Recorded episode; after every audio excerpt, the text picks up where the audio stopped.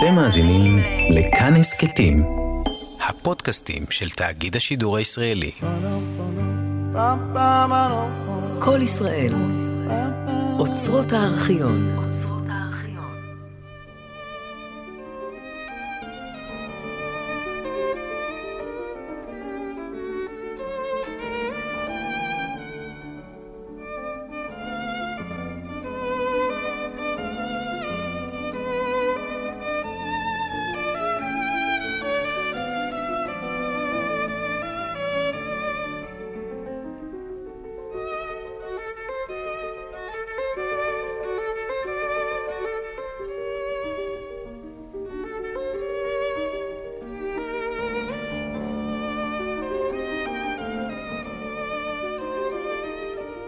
יוהנס היקר, אני מוכרחה לשלוח לך מילה ולומר לך עד כמה הקסימה אותי הסונטה החדשה שלך. היום הגיע בדואר ומיד ישבתי על הפסנתר כדי להתוודע אליה. כשהגעתי לסוף פרצתי בבכי. לא ידעתי דרך אחרת לפרוק את אושרי. תוכל לתאר לך את רגשת העונג שלי, כאשר בפרק השלישי מצאתי את המנגינה שלי, האהובה עד אין שיעור, מנגינת שיר הגשם עם תנועת השמיניות. אני אומרת המנגינה שלי, כי אינני מאמינה שאדם כלשהו, יהא אשר יהא, יוכל לחוש אותה כמוני, בעדנה שכזאת ובכאב שכזה. הציפורן שלי דלה, אבל ליבי הולם לקראתך, נפעם ורוחש תודה. לעולם שלך, קלרה. יוהנס ברמס, דיוקנו של יוצר, סדרת תוכניות בעריכת עדה ברוצקי. והפעם יוהנס היקר, סיפור אהבה החורג מן השגרה. קלרה, עליזה רוזן, יוהנס יצחק נוי, מספרת איריס לביא.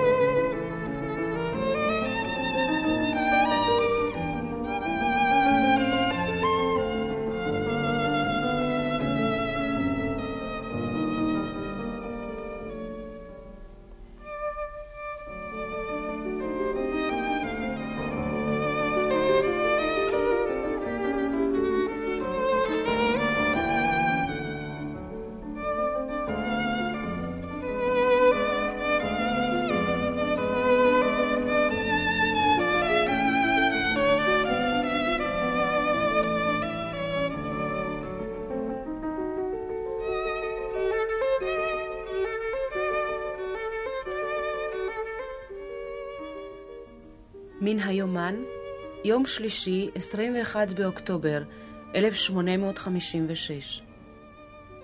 נסיעתו של יוהנס. ליוויתי אותו אל תחנת הרכבת. כשחזרתי, הרגשתי כמי שחוזר ממסע קבורה.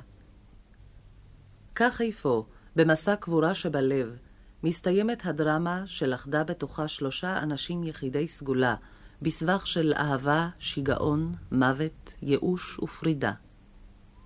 מה שמתחיל עתה הוא סיפור היומיום, שראשיתו בדף שמעבר לתמונת הסיום, ומשכו ארבעים שנות חיים. אין זה סיפור מרתק במיוחד.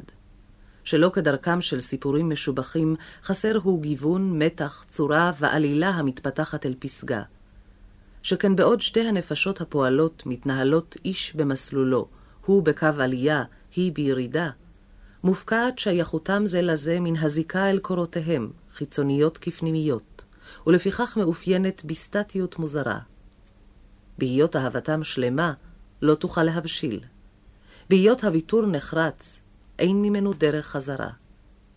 נשארים חילופי התפאורה הקטנים, משאבי הרוח המשתנים כפי שמביאה עמו היומיום, חשובים רק למראית העין. פגישות העולות יפה ופגישות המשאירות טעם של החמצה. אי-הבנות המחריפות לכלל סכסוך ומסתיימות בהתפייסויות נרגשות.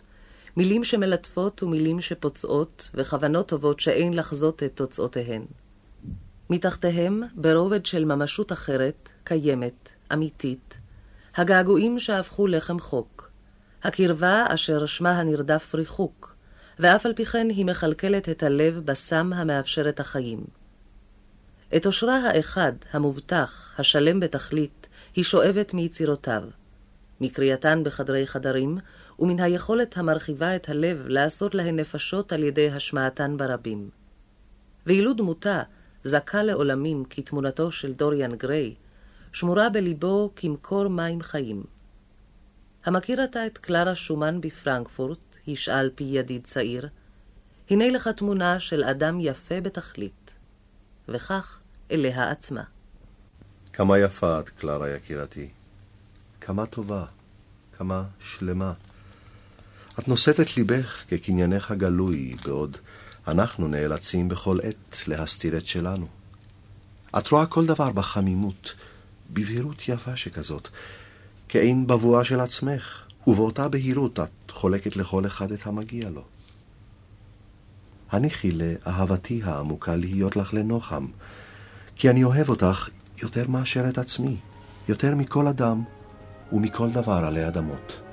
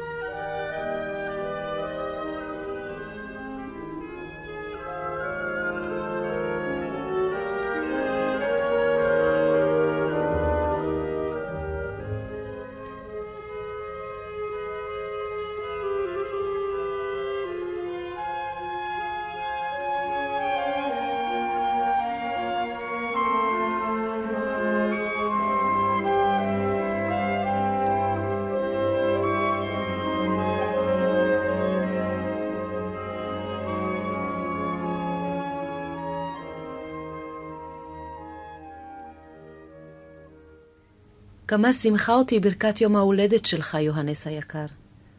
היא מצאה אותי עוד בערבו של השלושה עשר, כאשר ישבתי לבדי אצל החלון והיבטתי בשמש השוקעת. השמיים היו מלאים בהרמוניות המתוקות ששלחת לי.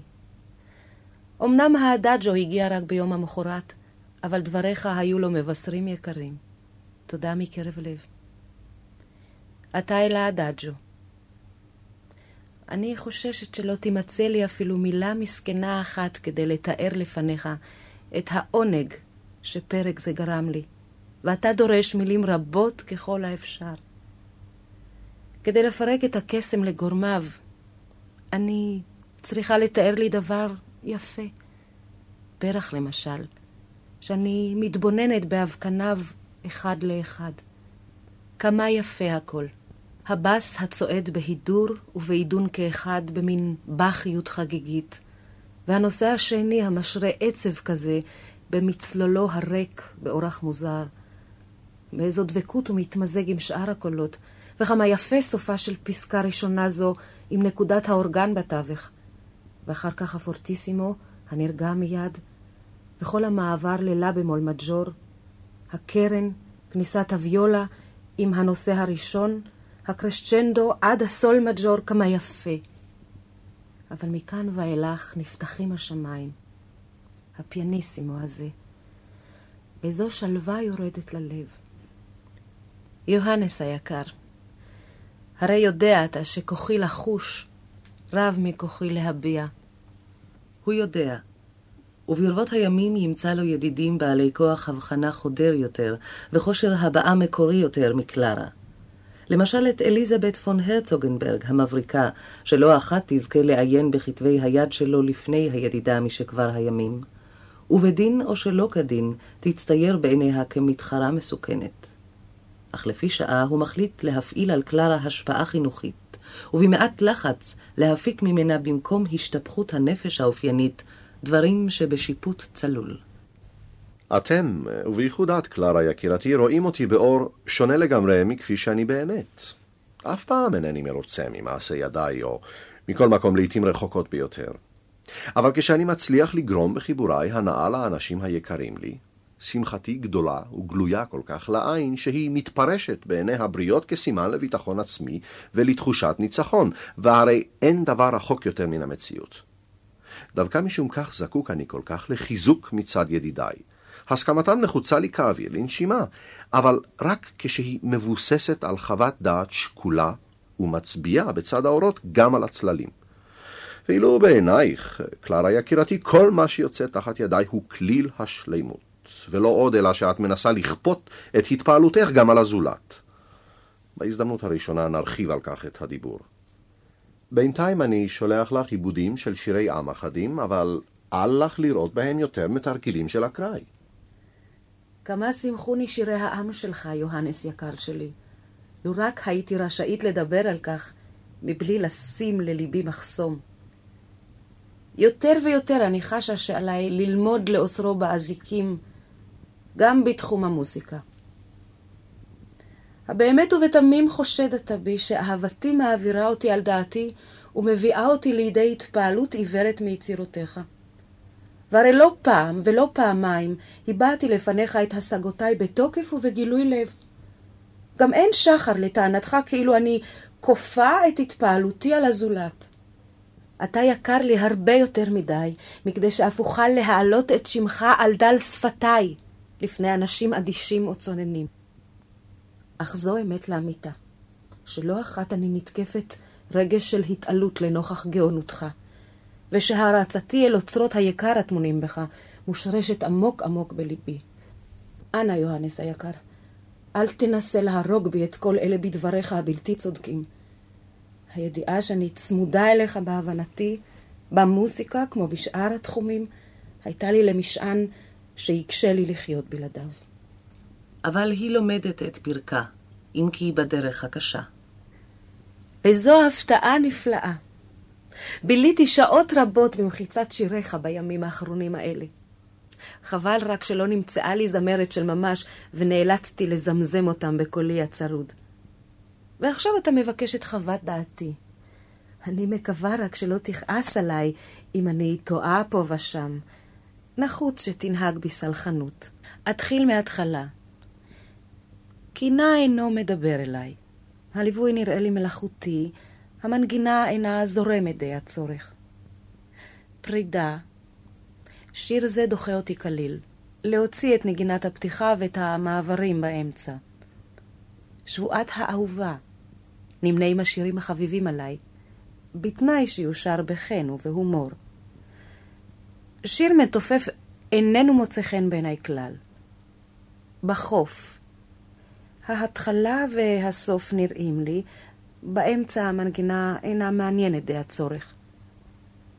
על פני האגם כדאי להשמיט וכן את השיר שלאחריו. קללת הנערה. המוסיקה נחנה בתנופה כה רבה, עד שניתן להתעלם מן המילים המכוערות. אהבה ישנה. זו גם אהבה ישנה שלי. זמרת הדרור.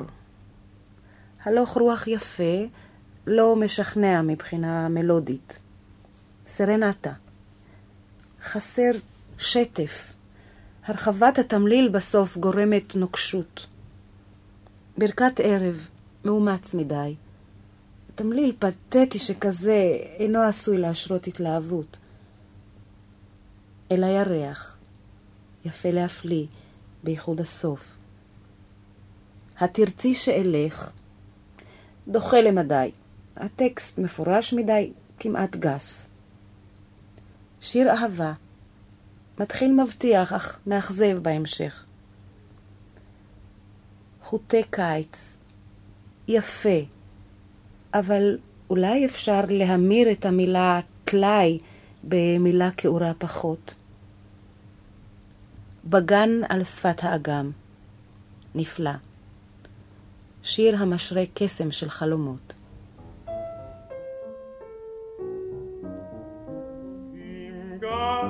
am See gestarret, uralte Bäume,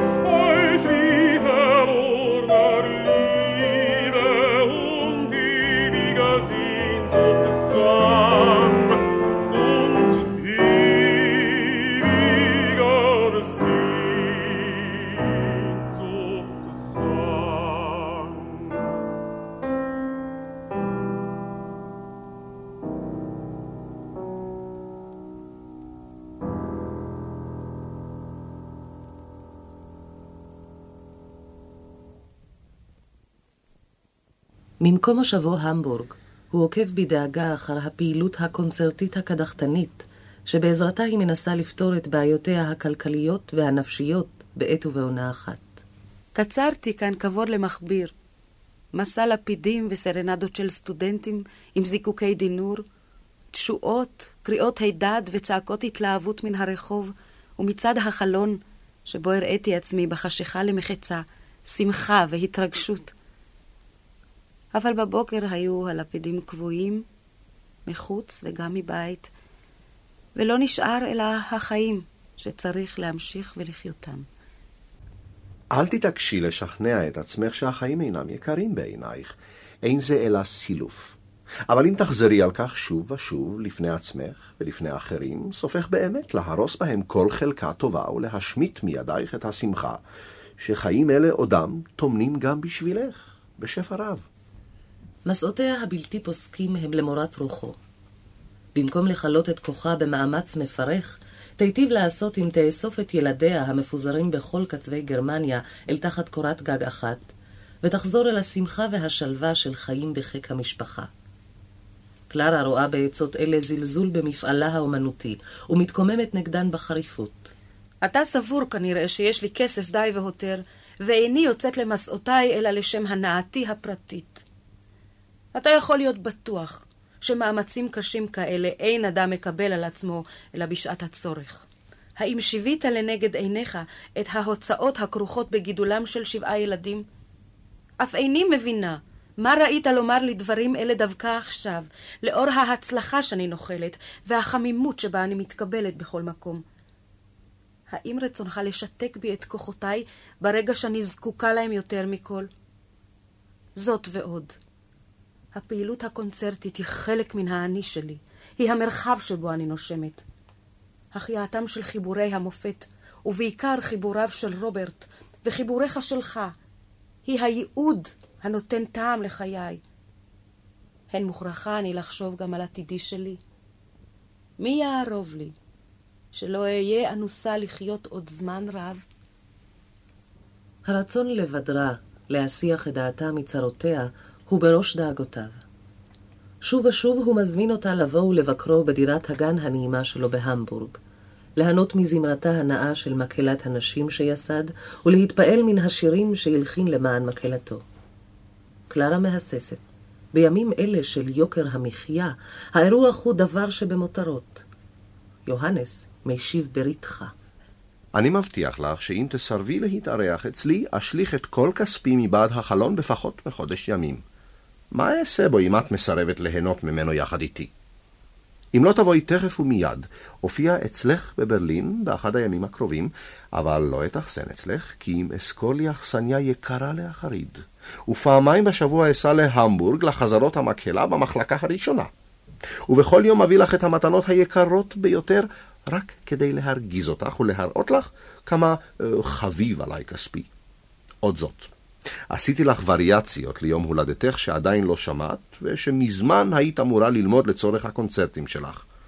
שנית, הגיע הזמן שאתרגל את הרביעיות החדשות שלי, אבל בלעדייך לא אנקוף אצבע. שלישית, אם תבואי בשבת, נוכל לערוך ביום ראשון טיול נעים אל מחוץ לעיר, ולבקר כמה נערות חמודות שימצאו חן בעינייך. רביעית, אמנם אינני רואה שום טעם בהחלטתך לצייד את חיבורי בעלך בציוני מטרונום, אבל אם את כבר מתעקשת על כך, אני מוכן לעזור לך. בשניים עבודה כזאת מתנהלת בקלות רבה יותר. חמישית, אם תתני לי הוכחה זו של אהבתך, אחזיר לך עשר הוכחות שכנגד. שישית, דקה פה על פינה. אבל כשהיא נעתרת לבסוף ובאה, עם ציפיותיה, פגיעותה, המתח הגבוה השרוי עליה בכל עת, הוא מסתגר בקליפתו. אני ממשיכה לעבוד על עצמי, כדי שלא להיות מושפעת כל כך ממצבי הרוח של יוהנס.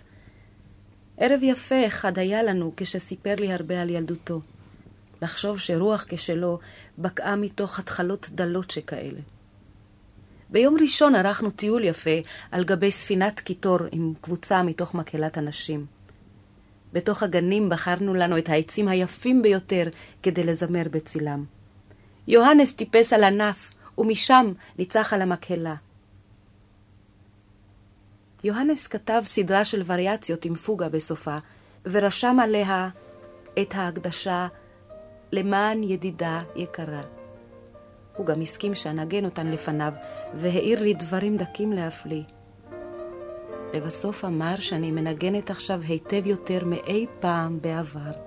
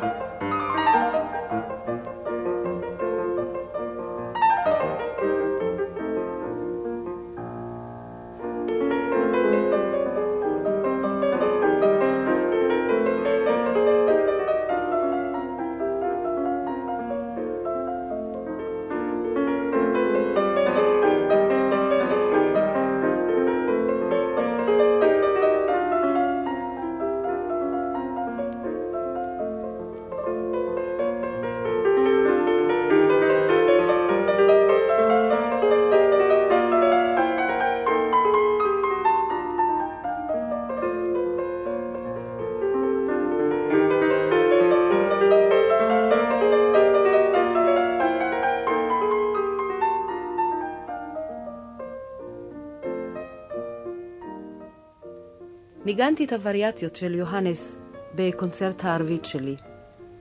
למרות שהייתי שרויה בפחד מוות, עלו בידי היטב. ציפיתי למילת הוקרה מפי יוהנס, אך הוא אמר שאינו יכול לשמוע עוד וריאציות אלה שהן מייגעות אותו, ושבכלל אינו סובל לשבת בחוסר מעש ולהאזין ליצירה שלו כשהיא מנוגנת בידי אחר. יותר לא מצא לומר. הם נפרדים בדכדוך, ומחכים להזדמנות הראשונה כדי להריץ זה אל זה את געגועיהם. לאחר שנסעת מפה, נעשה כאן שומם למדי. התקשיתי לחזור אל המהלך הרגיל והתנודדתי ימינה ושמאלה. כמה אוהב אני להתעדן ברגש זה של געגועים. צמרמורת מתוקה זו שאין כמוה לעונג. אבל אין ברירה, נחוץ לעבור לסדר היום. קיבלתי כמה תלמידי נגינה חדשים. כל אימת שאני נכנס אל בית חדש ומתוודע אל אנשים חדשים, אני חושב, אולי כאן אמצא אנשים יפים. אבל הם לעולם דומים זה לזה. איני זוכר מתי נפעמתי לאחרונה מן הפגישה עם אדם חדש. לפעמים אני מתאווה לשוב ולהתוודע אל אדם זה או אחר, אלייך למשל, בפעם הראשונה, כדי להתנסות שוב באותה התפעלות של בראשית. האם הרגשה זו מוכרת לך, קלרה יקרה? יוהנס יקר שלי, מכתבך הנעים הגיע הבוקר. לא ידעת כמה הייתי זקוקה לו. הפרידה הכתה אותי בצער, ועדיין קשה עליי כל מילה שאני נאלצת להחליף עם אנשים אחרים. כתבתי לך עוד אתמול בערב, אך הדברים היו עצובים כל כך, שמוטב להם שלא יצאו מרשותי. הבוקר, אחרי ביקורי נימוסין בארמון ומתן שיעור לנסיכה פרדריקה, טיילתי ביער בשמש בהירה, אך חזרתי מדוכאה למדי, כי כל הזמן הגיתי בך, וחשבתי כמה שונה היה הטיול לו ערכנו אותו ביחד. הצדק עמך. טוב להיבנות במפגש עם אנשים יפים. ובכל זאת אני מעדיפה לאהוב אדם אחד, או אנשים אחדים מעומק הלב, מאשר להתפעל מן הרבים. אף אינני מאחלת לעצמי כלל שתשוב לפגוש אותי בפעם הראשונה לשם התפעלות מחודשת. אם אמנם היה אי פעם ממה להתפעל. מוטב שתאהבני כערכי, אבל בכל הלב, ותמיד תמיד, יותר לא אשאל. האזכה בקרוב למכתב ארוך. קח לך את הזמן, יוהנס היקר. עוד דקה אחת, והרבה דברים נדיבים נאמרים וגורמים שמחה.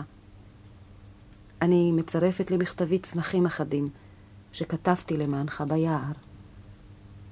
יש שדומה עליו כי נטל אהבתה גורר אותו תהומה. כיצד יתעלה אדם צעיר ומלא שמחת חיים לכל כך הרבה כובד ראש, אצילות נפש ועצב חרישי? בגטינגן פגש זמרת צעירה, אגתה פון זיבולט, שהקסימה אותו בעליזותה, בחן נעוריה וברגישות המתוקה שבה היא מזמרת את שיריו. הפיתוי להתקשר בברית נישואין עם נערה זו, בתו של פרופסור לרפואה, ולגרש אחת ולתמיד את רוחות הרפאים של העבר, גומל במשך קיץ ארוך ומבוסם לכמעט החלטה. אבל גם קלרה עושה את הקיץ בגטינגן עם ילדיה, ועוקבת בעיניים מיוסרות אחר האידיליה המתרקמת בין שני האנשים הצעירים. עכשיו אלך קצת עם קלרה, כדי שלא תבוא לידי קנאה, הוא לוחש באוזני נערתו בשעת הטיולים המשותפים עם החבורה, וממהר לקסום חיוך על פניה העצובות של הידידה. אבל יום אחד, בעת טיול מרכבה, היא רואה אותו כשהוא כורך את זרועו סביב כתפה של אגתה. בו ביום היא אוספת את ילדיה ואת מיטלטליה ונמלטת על נפשה. אל נא תחשבי לי את שתיקתי לרעה, ידידה יקרה. עבר עליי קיץ רע, והגעתי לידי עצבנות כה אומללה, שלא הייתי מסוגלת לעשות דבר. יוהנס נשאר בגטינגן, אבל בתוך החלום היפה, הנועז, כבר נבטו זרעי הכיליון. אגתה המסכנה. לא יכולתי להסיח ממנה את דעתי. היא ודברים רבים מלבדה לא רצו להרפות ממני. כל העת ראיתי לפניי את הנערה האומללה, הנטושה, וחייתי עמה את סבלה. או יוהנס יקירי, כיצד זה הנחת לדברים להרחיק לכת עד כדי כך? לא מדוע הפרת את הבטחתך, כי אם מדוע הרחקת לכת.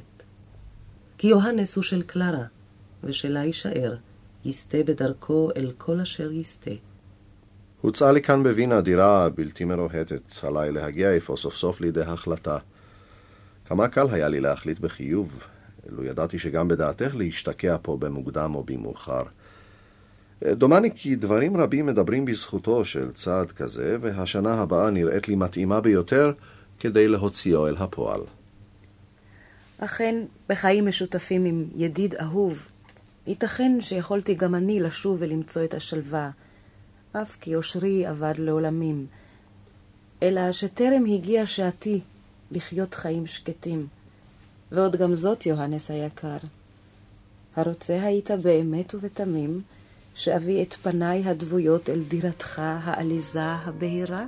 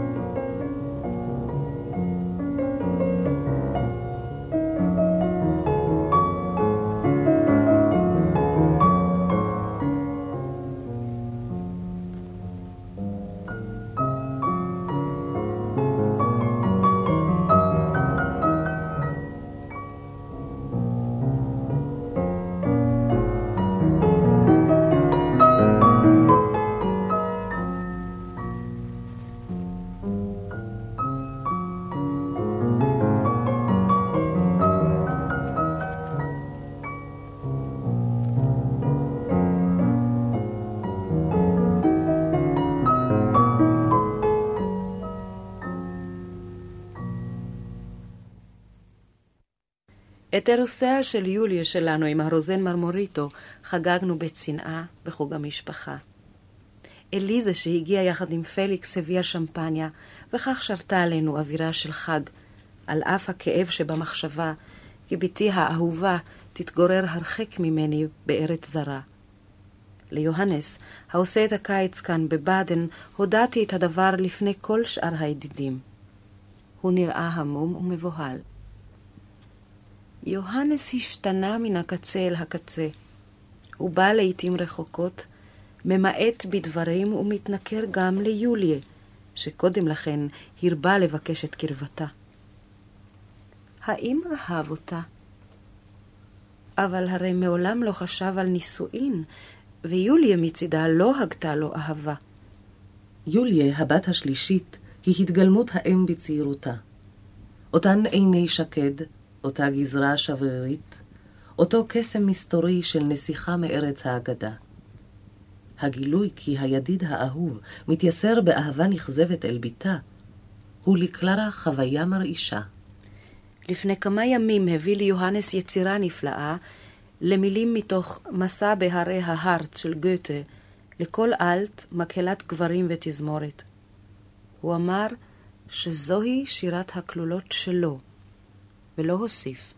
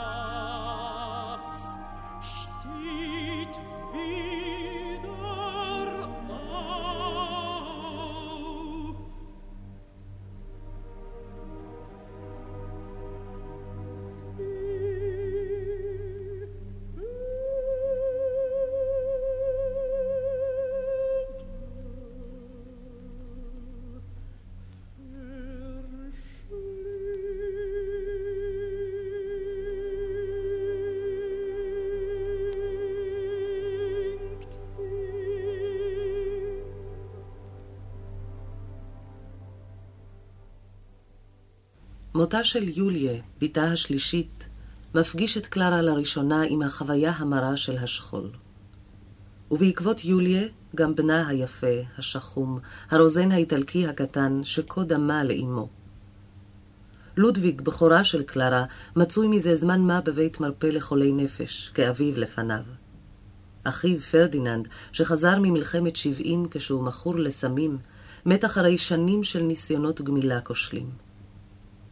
פליקס, בן הזקונים והמכונן בין הילדים, משוררם של אחדים משירי ברמס, מת משחפת בגיל הבחרות. על אף רתייתו הנודעת מפני מחלה ואבל, נושא ברמס את השכול עם ידידתו, ושוב ושוב דולה מליבו מילים של נוחם ופיוס. עושר רב הוא לחיות חיי משפחה משגשגים, ולחוש קשר של קרבה ואהבה אל יקירינו. לא משום היותם בשר מבשרנו בלבד, אלא אף משום היותם רוח מרוחנו. עושר זה היה מנת חלקך במשך חיים ארוכים וביד רחבה. אך בכמה דאגה וכאב יש לשלם על כך, אף בזאת היה עלייך להתנסות פעמים חוזרות ונשנות. ברגעים שכאלה נקה לשכוח שהצער הזה הוא התשלום על הדבר היפה והיקר ביותר שזכינו לו בחיינו. הן לא היית רוצה להמיר את גורלך בגורלו של איש בודד, ששוב לא יוכל לחוש צער זה לעולם. אכן, קלרה אהובתי, מי שמעריך לחיות, מרבה לאבד, בכלל זה אוצרות יקר שהפרידה מהם קשה לאין ארוך מן הפרידה משנות החיים.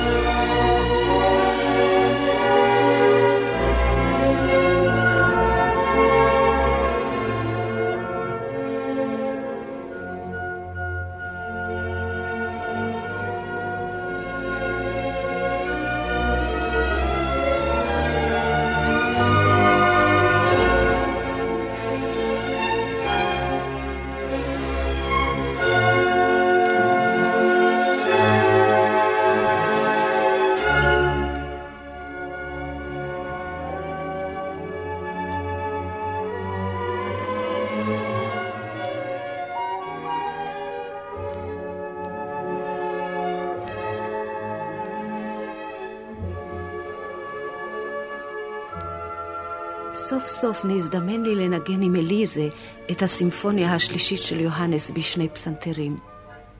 בעת הקונצרט החמצתי יותר מדי מחמת שמיעתי הלקויה, כדי לקבל מושג נאמן מיופייה של היצירה.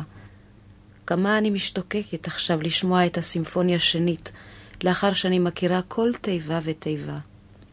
היה זה חסר לב מצד יוהנס לשלוח לי רק את מחציתו של העיבוד. הרי ידע שהייתי נהנית הנאה שלמה הרבה יותר מן הקונצרט, לו היה סיפק בידי להתוודע תחילה אל כל היצירה כולה. אני מתלבטת אם לכתוב לו ולהביע לפניו את התפעלותי.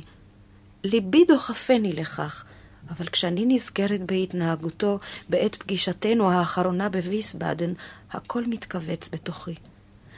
אבל אלה הם הבלים, אני מוכרחה לכתוב לו, הן לא ייתכן אחרת. יוהנס היקר, אינני יודעת היכן נמצא אותך מכתב זה, אבל ליבי מלא כל כך, שאינני יכולה שלא לומר לך זאת. איזו יצירה, איזו שירה, איזו הרמוניה שולטת בכל. כל הפרקים כמו עשויים מקשה אחת, וכל אחד מהם פנינה. מראשית ועד סוף אנו חדורים בקסם המסתורין של חורשות ויערות. בראשון הוקסמתי מזוהרו של היום העולה, כאילו קרני השמש זורחות מבעד הענפים. השני הוא אידיליה טהורה. אני יכולה לראות את המתפללים קוראים סביב המשכן שביער. אני שומעת את הפלג ההומה ואת זמזום החרקים. כה רב הרחף רחש מסביב, שגם אנו כמו נארגים בתוך מארג מתרונן זה של הטבע. הפרק השלישי הוא יהלום, אך צבעו אפור, כאילו טבל בתוך דמעה. איזו תפארת בהתנשאות הרוגשת של הפרק האחרון. אבל הלב הפועם נרגע עד מהרה בבוא איתו של הגלגול האחרון, במוטיב הפיתוח, שלשם היופיו המילים נעתקות מפי.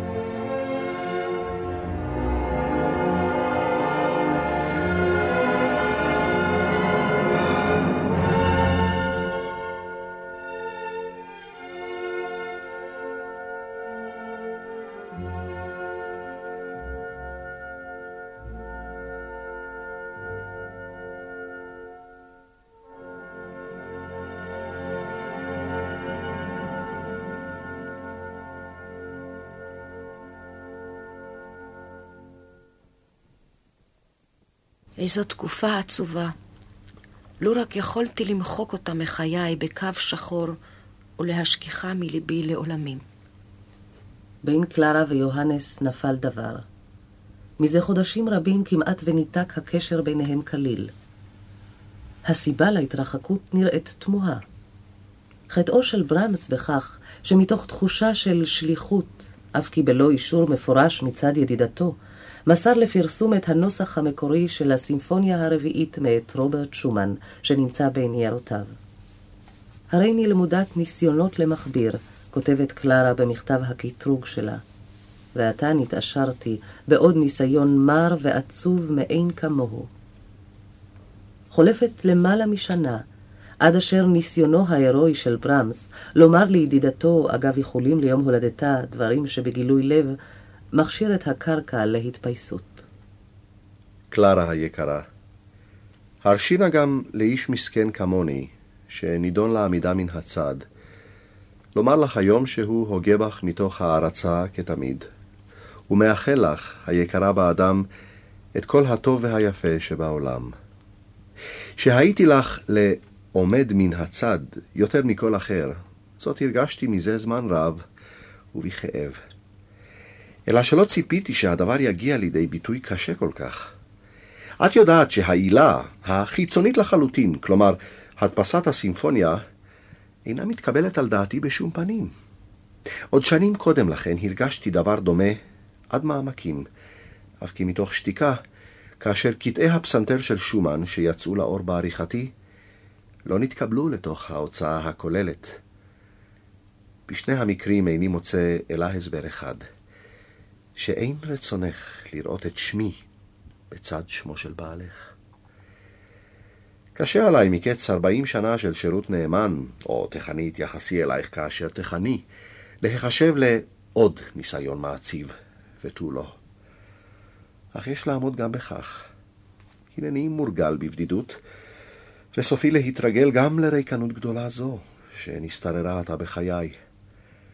לפנייך אבקש רק לחזור ולומר היום, שאת ובעלך הייתם לי הניסיונות היפים ביותר של חיי. עושרם הגדול ביותר ותוכנם הנאצל ביותר. ואף אם ראוי אני לכך, משום קשיים שיש לי לעתים בשיח ובשיג עם יקיריי, ולא משום סיבה אחרת, שתחזירי את פנייך ממני, הרי אהבתי והערצתי אליו ואלייך יוסיפו לעולם להאיר באור חם ובהיר, למסור לך במסירות עמוקה. י"ב יוהנס היקר, נתעצבתי מאוד למקרא מכתבך, אך גם נתמלאתי תודה על דבריך הגלויים. כמה חבל שרק עכשיו אתה רואה להתריע על מה שנראה בעיניך כהזנחת חלקך בהוצאה הכוללת של יצירות שומן. האמינה לי, שבטוחה הייתי כל השנים האלה, שהכל נעשה על פי עצתך ועל פי הוראותיך, עד הפרט האחרון. אבל אף אם שגיתי שלא מדעת, כיצד יכול אתה להעלות את החשד כאילו שמך אינו רצוי לי בצד שמו של רוברט? כיצד חשד שכזה עשוי להתיישב עם כל מה שפעלתי וחוויתי במשך השנים הארוכות האלה, שעמדו כולן בסימן אהבתי והערצתי אליך ואל יצירתך? לו היה ממש בחשד הזה, כלום באמת ובתמים יכולתי להימנות עם הניסיונות היפים ביותר של חייך. אך די באלה. הווה יוהנס היקר, נחזור להשמיע צלילים מאירים יותר. חיבוריך החדשים שזה עתה הגיעו לידי, יתרמו לכך תרומה מבורכת. באורח הישן, הלבבי, מברכת אותך, קלרה שלך.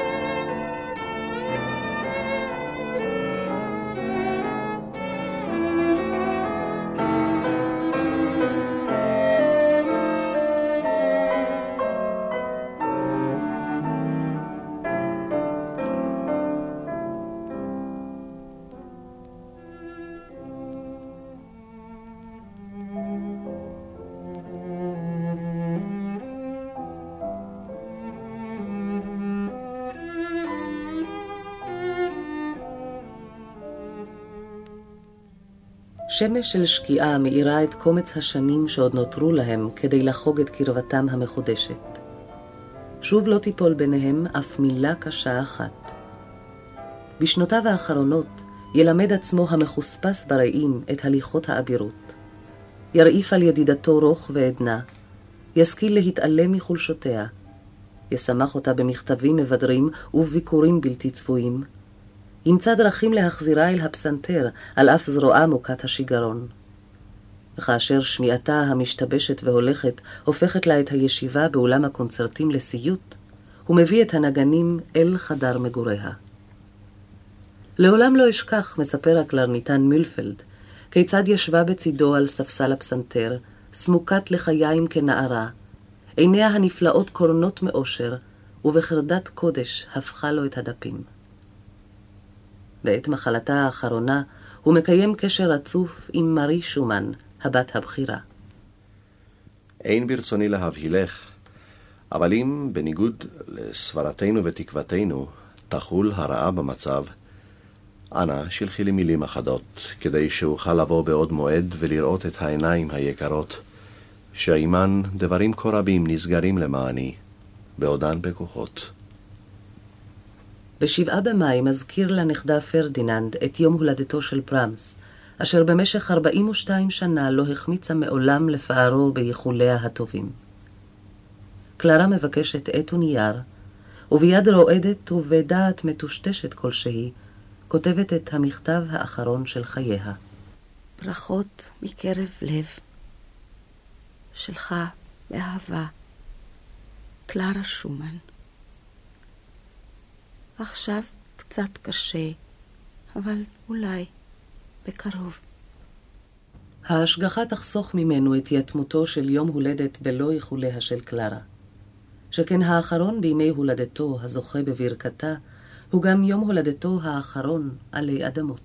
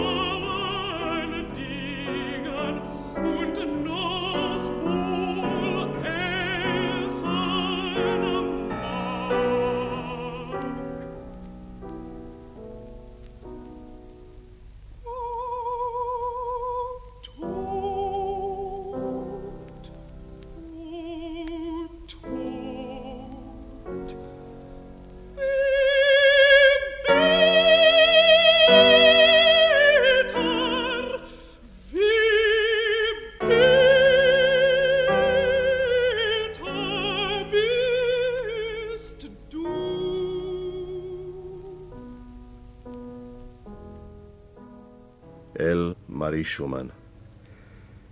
אם בעוד ימים אחדים תגיע לידי חוברת של שירים רציניים, אל לך לטעות במשמעותה. לבד מן ההרגל הישן לכתוב את שם משפחתך ראשון עם צאתו לאור של חיבור חדש, שירים אלה אכן נוגעים לך מקרוב. כתבתי אותם בשבוע הראשון של מאי. מילים ברוח זו נשאתי עמי זמן רב, אף לא חששתי באותו זמן שעליי להתכונן לקראת בשורות רעות מאימך. אבל עמוק בליבו של אדם יש שלוחשים ולוחשים דברים העתידים ברבות הימים להצטלל לכלל פיוט או מוסיקה. עדיין לא תהיי מסוגלת בימים אלה לנגן את השירים, כי המילים ישפיעו עלייך בחוזקה רבה מדי. אבל שעה שתניחי אותם הצידה, רצוני שתדעי כי נועדו להיות קורבן לעילוי נשמתה של אמך האהובה. תודה לך מקרב לב על הצעתך לשלוח לי חפץ מחפציה למזכרת, אבל איני רוצה דבר. דרכם של הבריות להיצמד לאות מוחשי כלשהו שבזיכרון. אבל ברשותי הזיכרון היפה שבכולם. לכולכם אהבה, מיוהנס ברמס.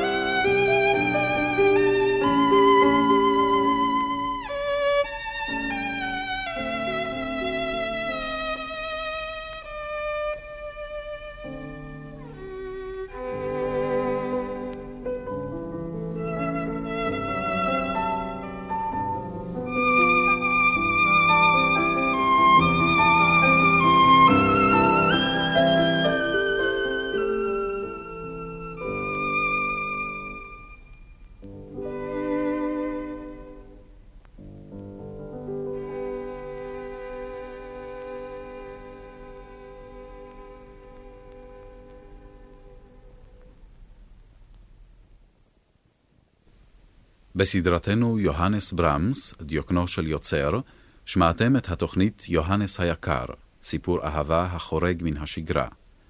ממכתביהם של קלרה שומן ויוהנס ברמס קראו עליזה רוזן ויצחק נוי. סיפרה איריס לביא. הביצוע הטכני היה בידי שמעון מורן. את התוכנית ערכה עדה ברוצקי.